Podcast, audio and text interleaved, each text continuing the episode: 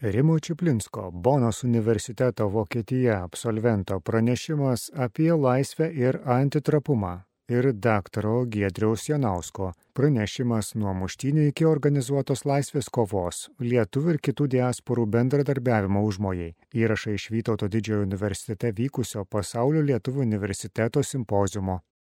Mano pranešimas apie laisvę ir antitrapumą.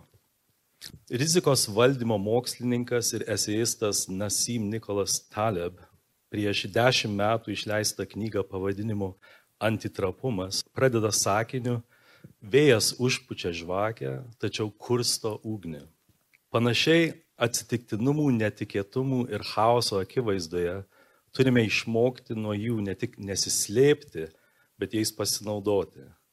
Geriausia būti ugnimi ir trokšti vėjo kaip individai, kaip verslo subjektai, kaip visuomenė ir kaip valstybė turėtume stengtis prijaukinti tai, kas mums nematoma, neapibriešta, nenuspėjama ir nepaaiškinama. Kaip tėvai turėtume to mokyti savo vaikus. Gamtoje apstu sistemų, kurios klesti ir auga kaitos, atsitiktinimų ir streso sąlygomis. Iš ties visa evoliucija laiduojama šių aplinkybių. Mat jos užtikrina, kad išlieka ne visos rūšis, o tik tos, kurios geba ne tik išgyventi krizės, bet ir išeiti iš jų patobulėjusios. Tai yra visiška priešingybė trapumui ir nepaisant šio fenomeno universalumo, pasirodo, kad nėra žodžio jam apibūdinti. Taleb siūlo tai vadinti antitrapumu. Antitrapumas pranoksta ekonomikos ir inžinerijos moksluose linksniuojamas patvarumą bei atsparumą. Patvarios ir atsparios sistemos atlaiko smūgius, antitrapios sistemos nuo jų tobulėja. Šis fenomenas slypi už visų sistemų, kurios vystosi laikui bėgant. Biologinė evoliucija, kultūra, idėjos, politinės santvarkos, technologinė pažanga, kultūrinė ir ekonominė sėkmė, sėkmingi verslai, geri receptai, bakterijų atsparumas.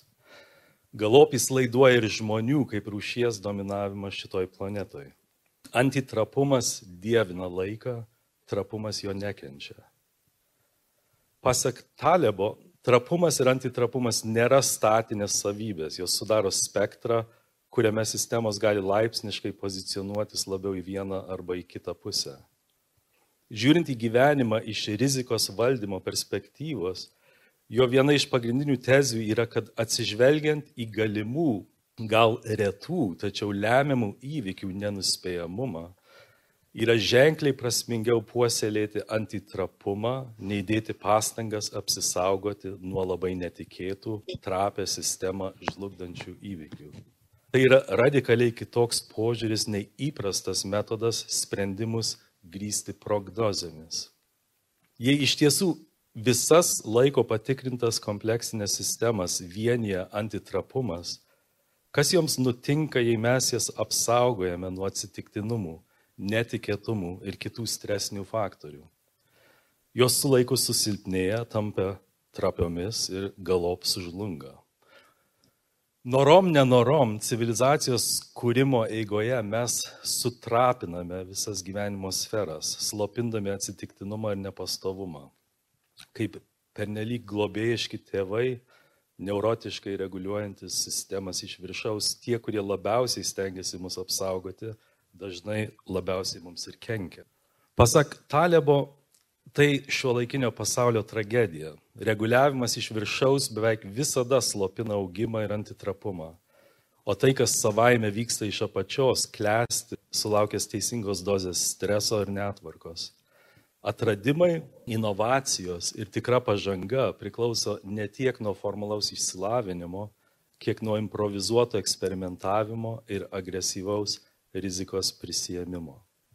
Tai paaiškina, kodėl didžiausi visuomenės sutrapintojai ir krizių generatoriai yra tie, kurie turi galę priimti lemiamus sprendimus patys nerizikuodami savo kailiu.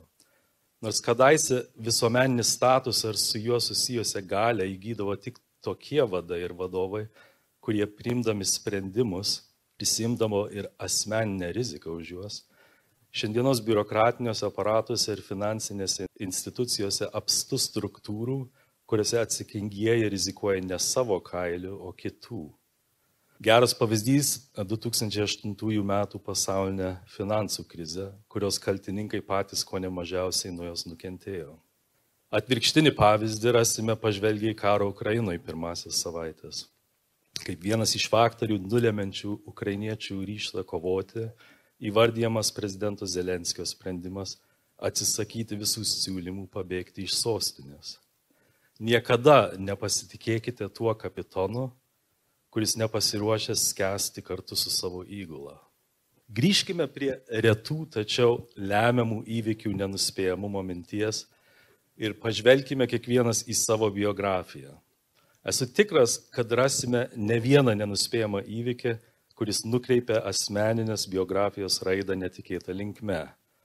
Pavyzdžiui, dėl gyvenamosios vietos, profesijos arba gyvenimo partnerio pasirinkimo.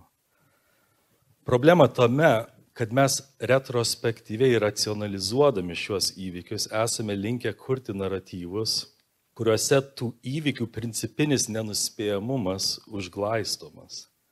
Lygiai taip pat yra ir su pačiu istorijos mokslu. Nepaisant to, kad pasaulio ir žmonijos istorijos raidą lėmė, lemia ir lems pavieniai iš anksto nenuspėjami įvykiai, mes tą raidą retrospektyviai racionalizuojame, tai yra kuriame istorinius naratyvus, kurie mums sudaro iliuziją, kad tie įvykiai nebuvo tokie jau nu, nenuspėjami. Mes nesimokome iš istorijos ne dėl to, kad nesimokome istorijos, mes nesimokome iš istorijos dėl to, kad besimokydami istorijos įsivaizduojame galintis ekstrapoliuoti istorikų sugalvotus naratyvus į ateitį.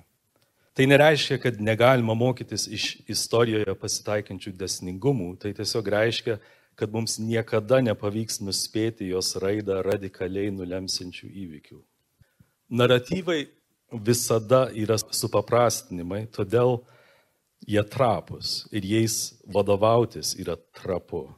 Todėl antitrapaus asmens požiūris į gyvenimą yra nenarativistinis. Problema su institucionalizuotu arba su profesionalizuotu mokslu yra, kad jis taip pat yra narrativistinis. Amerikiečių filosofas Thomas Kuhn veiksmingai parodė, kaip užsiciklinimai teorinėme naratyve kartojasi tiksliuose moksluose ir kaip sunkiai įgyvendinama paradigmų kaita. Tai kiek baisesnė turi būti padėtis socialiniuose arba humanitariniuose moksluose, kuriuose kur kas sunkiau pritaikyti falsifikacijos principą. Tikra mokslinė ir technologinė pažanga visada įvyko ir tebe vyksta neskaitant kitų raštus dramblio kaulo bokštuose, o improvizuotai eksperimentuojant ir darant klaidas. Neveltui specialistas kartais apibūdinamas kaip žmogus, kuris išmoksta vis daugiau apie mažiau, iki kol jis žino viską apie nieką. Tačiau tikrasis ekspertas nėra tas, kuris yra viską perskaitęs tam tikrą temą. Tikrasis ekspertas yra tas, kuris tam tikroje sferoje yra padaręs visas įmanomas klaidas. Todėl tikrasis mokslas yra panašesnis į kūrybą ir tikrieji mokslininkai yra panašesni į menininkus. Trapios sistemos netoleruoja klaidų, netrapios sistemos klesti dėl klaidų. Paklauskime savęs, ar mūsų institucionalizuoto mokslo ir švietimo sistemos labiau baudžia už klaidų darimą, ar drąsina mokinius, studentus ir mokslininkus jas daryti. Ką visą tai turi bendro su laisvė? Jei kaip paprastai siūloma skiriame dvi laisvės savokas - negatyvi laisvė, kaip laisvė nuo išorinių trikdžių ir apribojančių sąlygų, ir pozityvi laisvė, kaip gebėjimas rinktis tarp įvairių galimų veiksmų, netrapumas apjuose jas abi. Nenuspėjami įvykiai netrapiam suteikia veiksmų galimybės ten, kur trapieji žlunga. Todėl moraliniam subjektam didesnis antitrapumo laipsnis tolygus didesniam negatyvios ir pozityvios laisvės laipsniui.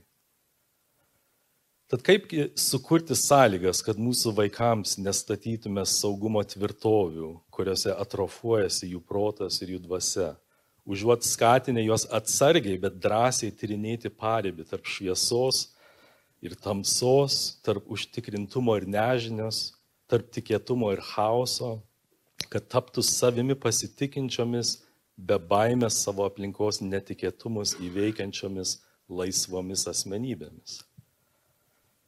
Kaip užtikrinti, kad profesionalizuoto mokslo sistemos netaptų akademinės šūdmalos institucijomis, o augintų mokslininkų kartą, kuri būtų drasi, kūrybinga, inovatyvi, improvizuotai eksperimentuojanti, nebijanti klaidų ir atvira paradigmos kaitoms. O kaip su mūsų valstybė? Sisteminė priklausomybė to lygų trapumui. Jau ilgus dešimtmečius Europos saugumą laiduoja Junktinės valstijos, Europos ekonomikos plėtra ir tuomi jos gerovė tebėra pagristos nediversifikuota ir todėl itin trapę priklausomybę nuo Rusijos kaip pigios energijos tiekėjos ir Kinijos kaip pigios gamintojos ir milžiniškos rinkos. Kaip restruktūruoti mūsų ekonomiką, mūsų gamybos ir logistinės grandinės galop mūsų gyvenimo būdą ir vartojimą, kad mes gebėtume ne tik būti atsparus staigiai ir smarkiai besikeičiančio pasaulio rinkos bei išteklių pasidalinimo kontekste, bet išmoktumėm klestėti netikėtumo sąlygomis. Mes linkę siekti stabilumo, tačiau būtent stabilumas mus paverčia trapiais. Būtent krizės supurto ir pažadina mus iš letarginio trapaus sustabarėjimo ir priverčia mus persiorientuoti, vėl atrasti lygsvarą, pergalvoti savo tikslų bei veiksmų adekvatumą ir juos pritaikyti prie naujos situacijos. Tai yra tapti antitrapesniais. Kurdami savo veiksmų planus, išmokime nesivadovauti vien prognozėmis, o verčiau apkabinti ateities nenuspėjamumą. Išmokime neapsimesti, kad viskas suprantame ir valdome, bet tuo pačiu neprarasti pasitikėjimo savimi, žvelgiant nežinomybėje akis. Išmokime nesustabarėti savo įsitikinimuose ir atradę kažką naujo, gebėkime keisti savo nuomonę ir nuostatas. Išmokime nesirinkti kelią vien dėl to, kad jame mažesnė tikimybė padaryti klaidų, o drąsiai žengti ten, kur neišvengiamai suklupsime ir klysime, nes tik per klaidas tobulėjame. Išmokime pakeliui pakeisti kryptį, netgi tariamai pasiklysti, nes tik pasiklydę mes atrandame kažką tikrai naujo. Išmokime būti ugnimi, kuri trokšta vėjo. O dar svarbiau, išmokime to mokyti mūsų vaikus. Ačiū.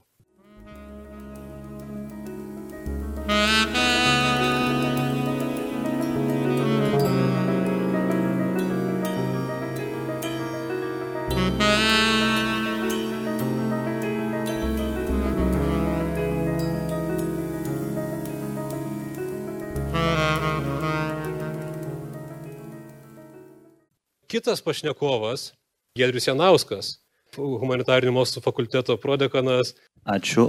Aš irgi svaršiau, kaip čia pasielgti, galėčiau ir, ir taip, ir taip, bet gimtoji kalba vis tiek yra ta mieloji dušiai kalba, lengvesnė išraiška, tai mano pranešimas bus lietuvių kalba ir jaučiuosi šiek tiek galvodamas dar apie pirmąjį panelį Rimo kalbėjimą, toks trapus labai, ne antitrapus, pradėdama šiek tiek sukaustytas grandinių, ta prasme, kad nėra taip labai paprasta pabandyti lietuvių bendradarbiavimo formų užmojus atidengti su kitomis diasporomis, bet savo ruoštų pabandysiu tą dalyką padaryti.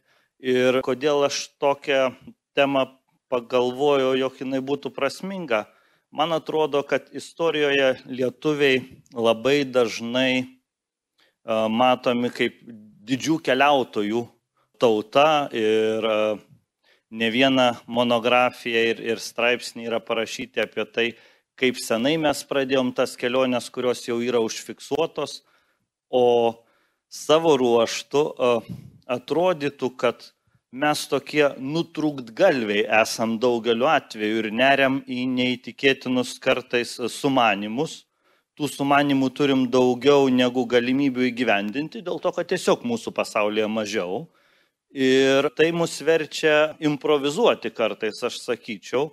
Ir ta improvizacija atveda prie to, jog pagalvojau, kad tie užmojai gali apimti idėjas, kurios realizuodavosi ir idėjas, kurių neįmanoma buvo įgyvendinti tada, nors galbūt žmonėms, kurie tas idėjas siekia puoselėti, atrodė, kad jos realios, bet tai ne visą laiką pavykdavo padaryti. Ir e, tiesą pasakius, galvodamas, kaip savo e, pranešimą konstruoti, maščiau, kad e, diasporų veikimo sąlygos yra labai svarbus dalykas nes mesgi galim kalbėti apie veikimo sąlygas demokratinėje valstybėje, bet to pačiu autoritarinės ar imperinės santvarkos taisyklių sukaustytoje šalyje.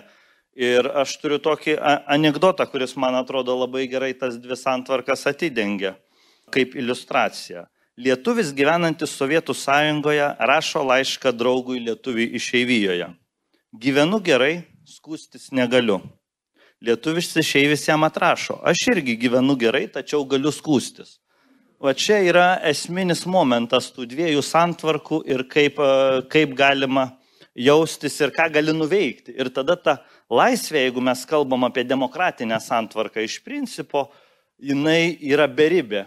Jeigu jau sieti save su pirmaisiais keturiais e, pranešimais, aš sakyčiau, kad tas beribiškumas veda labai aiškiai prie ribotumo Kitaip tariant, laisvė turėdama beribės galimybės, tave vis tiek įkomponuoja tam tikrą prasme į rėmus. Tu esi įsipareigojęs tai laisvė ir esi įsipareigojęs saviškiams pasiekti tam tikrus rezultatus, kuriuos nori uh, išgauti, sakykim taip. Kodėl aš e, galvojau, kad verta muštis ar pradėti nuo muštinių savo pasakojimą, E, jūs puikiai žinote, kad XIX amžiuje buvo reikalų lietuviams patekusiems į Šiaurės Ameriką, ar tai būtų Kanada, ar tai būtų Junktinės Amerikos valstijos, buvo reikalų ta prasme, kad, na, negalėjai išvengti momento, kad būsi negavęs į nosį. Dėl daugelio priežasčių, kurias jau minėjo ir Andriai, kalbėdamas apie ukrainiečių pirmasias bangas, kuomet išsilavinimo stoka, prastos darbo sąlygos, gyvenimo sąlygos, e, sudėtinga e, situacija iš tikrųjų vertė, sakyčiau, tokio gyventi skurdo kultūroje. Bet kur yra vilties ašis, aš sakyčiau, kuri tą skurdo kultūrą greitai tirpdo. Viena vertus vilties ašis, jog jie galės gyventi geriau ir tai yra priežastis, kodėl jie savąsią šalis palieka, šiuo atveju lietuviai. O antroji yra ta, kad tu pamatai kitą aplinką. Ir patekęs į Junktinės Amerikos valstijas, kaip jūs suprantate, aš daugiau savo kalbėjimą konstruosiu remdamasis JAF ir Kanados pavyzdžiais, nes galima būtų kalbėti ir apie kitas šalis, kraštus, bet tiesiog neužteks man laiko detaliau išdėstyti savo mintis. Aš sakyčiau, jie pamato visai kitą aplinką. Viena vertus tokią nepalankę jiems dėl kalbos, kultūros nesuvokimo, taisyklių, kurios visiškai yra neįprastos. Bet kita vertus, tu pamatai, kokiuose galimybėse ir kokiuose erdvėse žmonės gyvena, kaip jie tarpusavį bendrauja. Tai yra visai kita aplinka, kurioje tu gali kurti, ar esi laisvas kurti. Ir tai e, leidžia, e, aš sakyčiau, saliginai labai greitai ieškoti atsakymo į tai, kas mes ir kokia mūsų tapatybė. Ir jūs vėlgi puikiai žinot, kad pirmasis spektaklis statomas e, lietuvių yra Antano Turskio keturių veiksmų drama, besumnėmės arba kaip ant svieto einasi 1889, kiek anksčiau negu mūsų vadovėliuose pateikiama tiesa. Gazeta lietuviška irgi šiek tiek anksčiau išeina negu aušra tenai atsidūrę kitoje aplinkoje žmonės ima svarstyti ir kelti tuos klausimus. Ir nemažai tyrimų jau šitoj srity padaryta, todėl aš tik e, pasakysiu, su kuo mėgdavo peštis lietuviai. Dažnu atveju e, tie, su kuriais jie lūpdavosi, būdavo šiek tiek prakutę airiai, vokiečiai, kitų etninių grupių atstovai, kurie nenorėjo užleisti lietuviams savųjų vietų, darbų, Galbūt šitoje vietoje stapteldamas pereičiau prie antrosios savo kalbėjimo dalies, tai yra prie bendradarbiavimo arba nebendradarbiavimo su tam tikrom tautom. Ir čia, aišku, geriausias pavyzdys yra Lenkai. Įsivaizduoti reikėtų, kad jie buvo pagrindiniai muštinių organizatoriai, taip atrodė lietuviams, dėl religijos, dėl kalbos, dėl tapatumo klausimo, dėl tautinio samoningumo formavimosi laikmečio tuo metu, dėl Vilniaus krašto konflikto dar vėliau.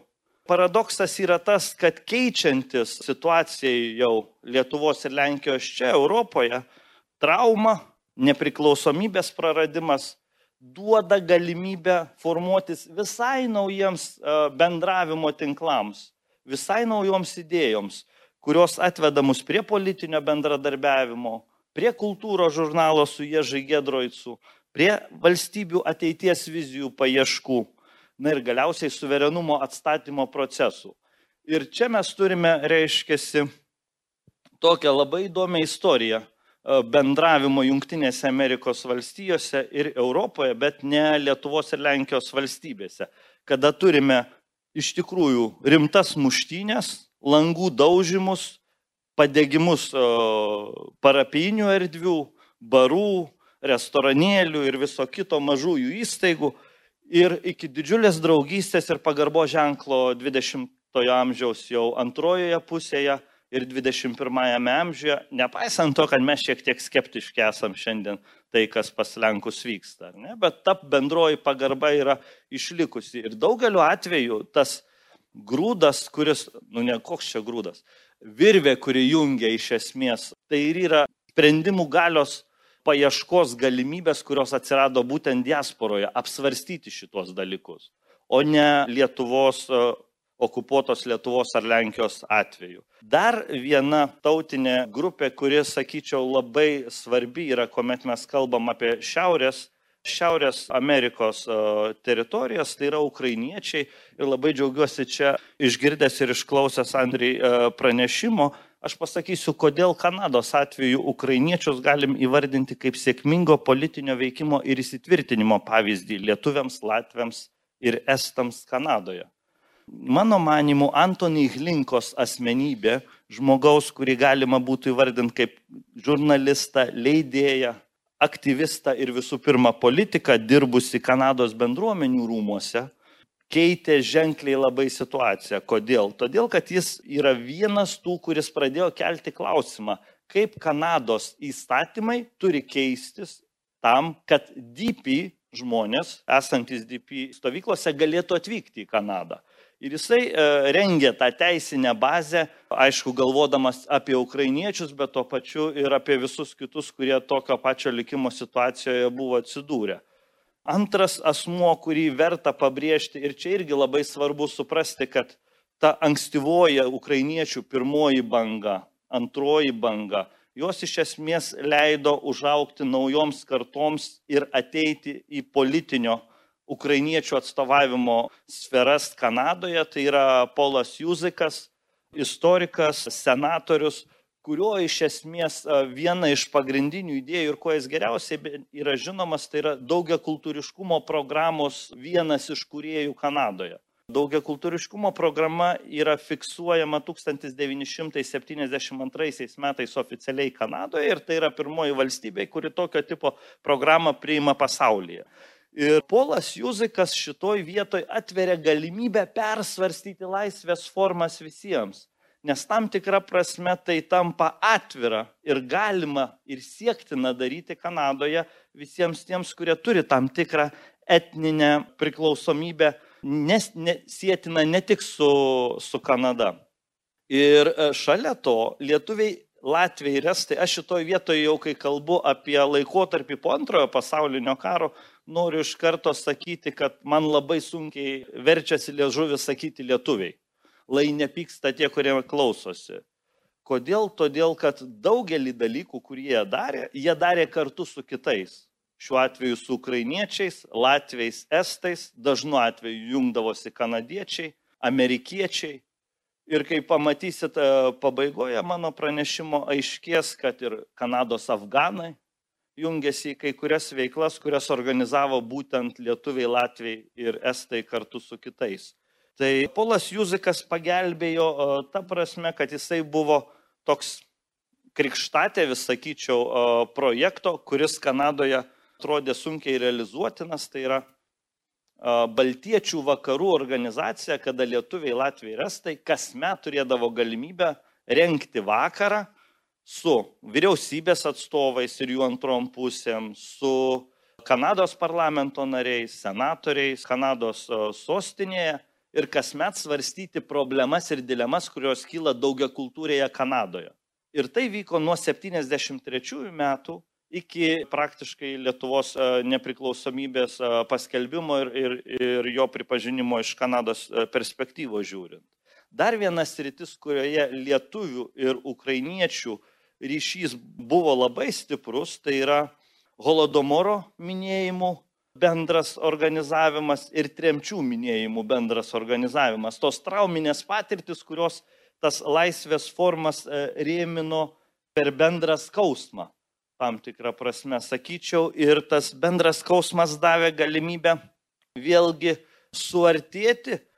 Paskutinis dėmuo, kuris iliustruoja, kiek sėkmingai tos trys mažosios e, etninės grupės Kanadoje ir ukrainiečiai kaip pagrindinė ir didžiausioji grupė Kanadoje, kaip matėte pirmajame pranešime skaičius, pasiekė tai yra tai, kad 90-ojo e, pabaigoje Kanados vyriausybė formuoja neoficialų apskritą į stalą, į kurį įeina patarėjo statusu lietuviai, latviai, estai, ukrainiečiai dėl Sovietų sąjungos ir santykių su Sovietų sąjunga Kanados, kitaip tariant, lobizmas arba tas interesų laukas pasidaro toks aktyvus, kad e, tiek lietuviai, baltiečiai, sakyčiau, ir ukrainiečiai turi tiesioginius kontaktus su užsienio reikalų ministru, su ministro pirmininko kabinetu.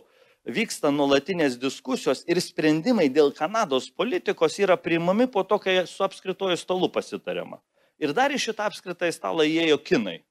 Tai va tokio, tokio dydžio buvo sudėtinė dalis.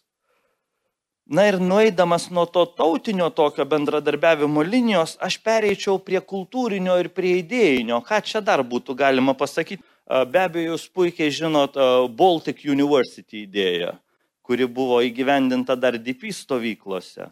Association for the Advancement of Baltic Studies, iki šiandien veikianti mokslo asociacija jungianti mokslininkus tyriančius Baltijos jūros erdvės sakykime taip, reikalus, kuris startuoja 1968 metais. Tokių pavyzdžių kaip Baltic Federation in Canada, kur jungia visus tris, Baltic Women Council, kuri veikė nuo 1947 iki 2004 metų. Tokios formos jos buvo labai aiškios ir priimtinos žmonėms tuo laiku šaltojo karo laikotarpiu. Be abejo, čia neapseitumėm kalbėti ir be pavergtųjų Europos tautų asamblėjos renginių ir visų įsitraukimo, jungtinių tautų organizacijos ir kelimo klausimo tenai. Va čia aš esu, kai kalbu apie užmojus, reikia būti šiek tiek švelniai tariant, kaip aš sakau, trenktam, tam, kad įsivaizduotum, jog jungtinės tautos pasmerks Sovietų sąjungą ir paprašys, kad Sovietų sąjunga suteiktų laisvę Lietuvai, Latvijai ir Estijai bet organizacija sutraukė didžiulį būrį žmonių, finansų ir iš tikrųjų padarė didelį poveikį tiek JAV abiejose rūmose, tiek kitose erdvėse. Ir galiausiai aš sakyčiau, judėdamas prie to, kad tai ne visos formos laisvės, kurias galėtumėm išryškinti. Man atrodo labai svarbus yra dar ir neverbalus kultūrinis bendradarbiavimas. Tai yra per sportą, muziką, šokius ir meno projektus, ką diasporinėje erdvėje gebėjo išnaudoti absoliučiai visos, sakyčiau taip, etninės grupės ir darydavo tai veikdamos kartu. Visgi, ką gali liudyti šios patirtis ir jau einu visiškai prie išvadų, tai Diasporinio bendradarbiavimo aktyvumo bangos, mano manimu, kildavo tapatumo formavimosi, įsileimo į naujas visuomenės momentais, sudėtingų geopolitinių įveikių laikmečiais, nuolat žadinant senasias visuomenės ir primenant joms apie kylančius iššūkius valstybėje ir tarptautiniuose santykiuose. Gal su vienu anegdotu judėsiu. Sakoma taip yra. Tai nepakenčiama, pasakė praeivis 40 laipsnių šaltyje. Praeikite su manimi, pasakė civiliais rūbais apsirengęs žmogus. Jūs pasakėte, kad tarybinė santvarka nepakenčiama. Lietis sako, ko čia dėta tarybinė santvarka, šaltis nepakenčiamas, nesąmonė šaltį įmanoma iškesti. Tai čia va tas kančios klausimas, žinot, jisai yra visą laiką sudėtingas. Ir ko labiausiai nesinoris, tai e, būti laisvam ir surakintam. Tai e, tam tikrą prasme aš sakyčiau, kad nepamirština yra tai, kas e, tautų diasporinio bendradarbiavimo veiklose įprasmindavo nuolatinio kasdienio gyvenimo detalės ir leido pažinti liktol neaišku į kitą. Dabarties laikais baugiausia virsti sena, giliai įmigusią ir nepažadintiną, kaip iš gilaus meškos įmygio, nekylančią visuomenę, abejinga vykstantiems aplinkui mus procesams. Matančią vieną pusiau pramerktą akimi, migrantų krizę, aš migrantų krizę į kabutės dedu, o ne geopolitinius įvairių ne visiškai adekvačių politinių veikėjų žaidimus. Na ir pokyčio paieškos e, paskutinis sakinys, kurį galėčiau pradėti taip, e, paskutiniu anegdotu. Anketos klausimas. Ar jūs buvote represuotas? Jei ne, tai kodėl? Tai žinote, tam, kad nebūtum represuotas, Sakyčiau, reikėtų skaityti Kšištofo Čiževskio knygą. Mažasis pasaulio centras idėjų praktiko užrašai. Nes aš galvoju, kad kai mes šnekam apie tai, kas yra prasminga, tai man atrodo, kuo didesnį pasaulį mes matome, tuo labiau suvokiame, kad tas didesnis pasaulis ir yra tas, kuriame mes gyvename. Klausimas tik, kaip mes išnaudojame laiką, kurį turime ir su kuo mes jį dalinamės. Tai Kšištofo Čiževskio tekstas ir kalbėjimai, aišku, tikrai leidžia suvokti, kad centro kūrimas savo gyvenamoje erdvėje, atpažįstant kaimynus, įsijungiant į bendruomenės ir kuriant ar tvirtinant saitus, dalyvaujant laisvanoriškų organizacijų veiklose įprasminančiose kasdienį gyvenimą ir sudarančiose galimybę džiaugtis bei dalinti savosiomis patirtimis ir yra tai, kas tikriausiai keičia mus ir leidžia mums džiaugtis laisvę nesurakintiems ir atrasti vis naujas ir naujas formas. Ačiū labai. Rimo Čiplinsko, Bonos universiteto Vokietija absolvento pranešimas apie laisvę ir antitrapumą ir daktaro Giedriaus Janausko. Pranešimas nuo muštinių iki organizuotos laisvės kovos, lietuvių ir kitų diasporų bendradarbiavimo užmojai. Įrašai iš Vytauto didžiojo universitete vykusio pasaulio lietuvių universiteto simpozijumo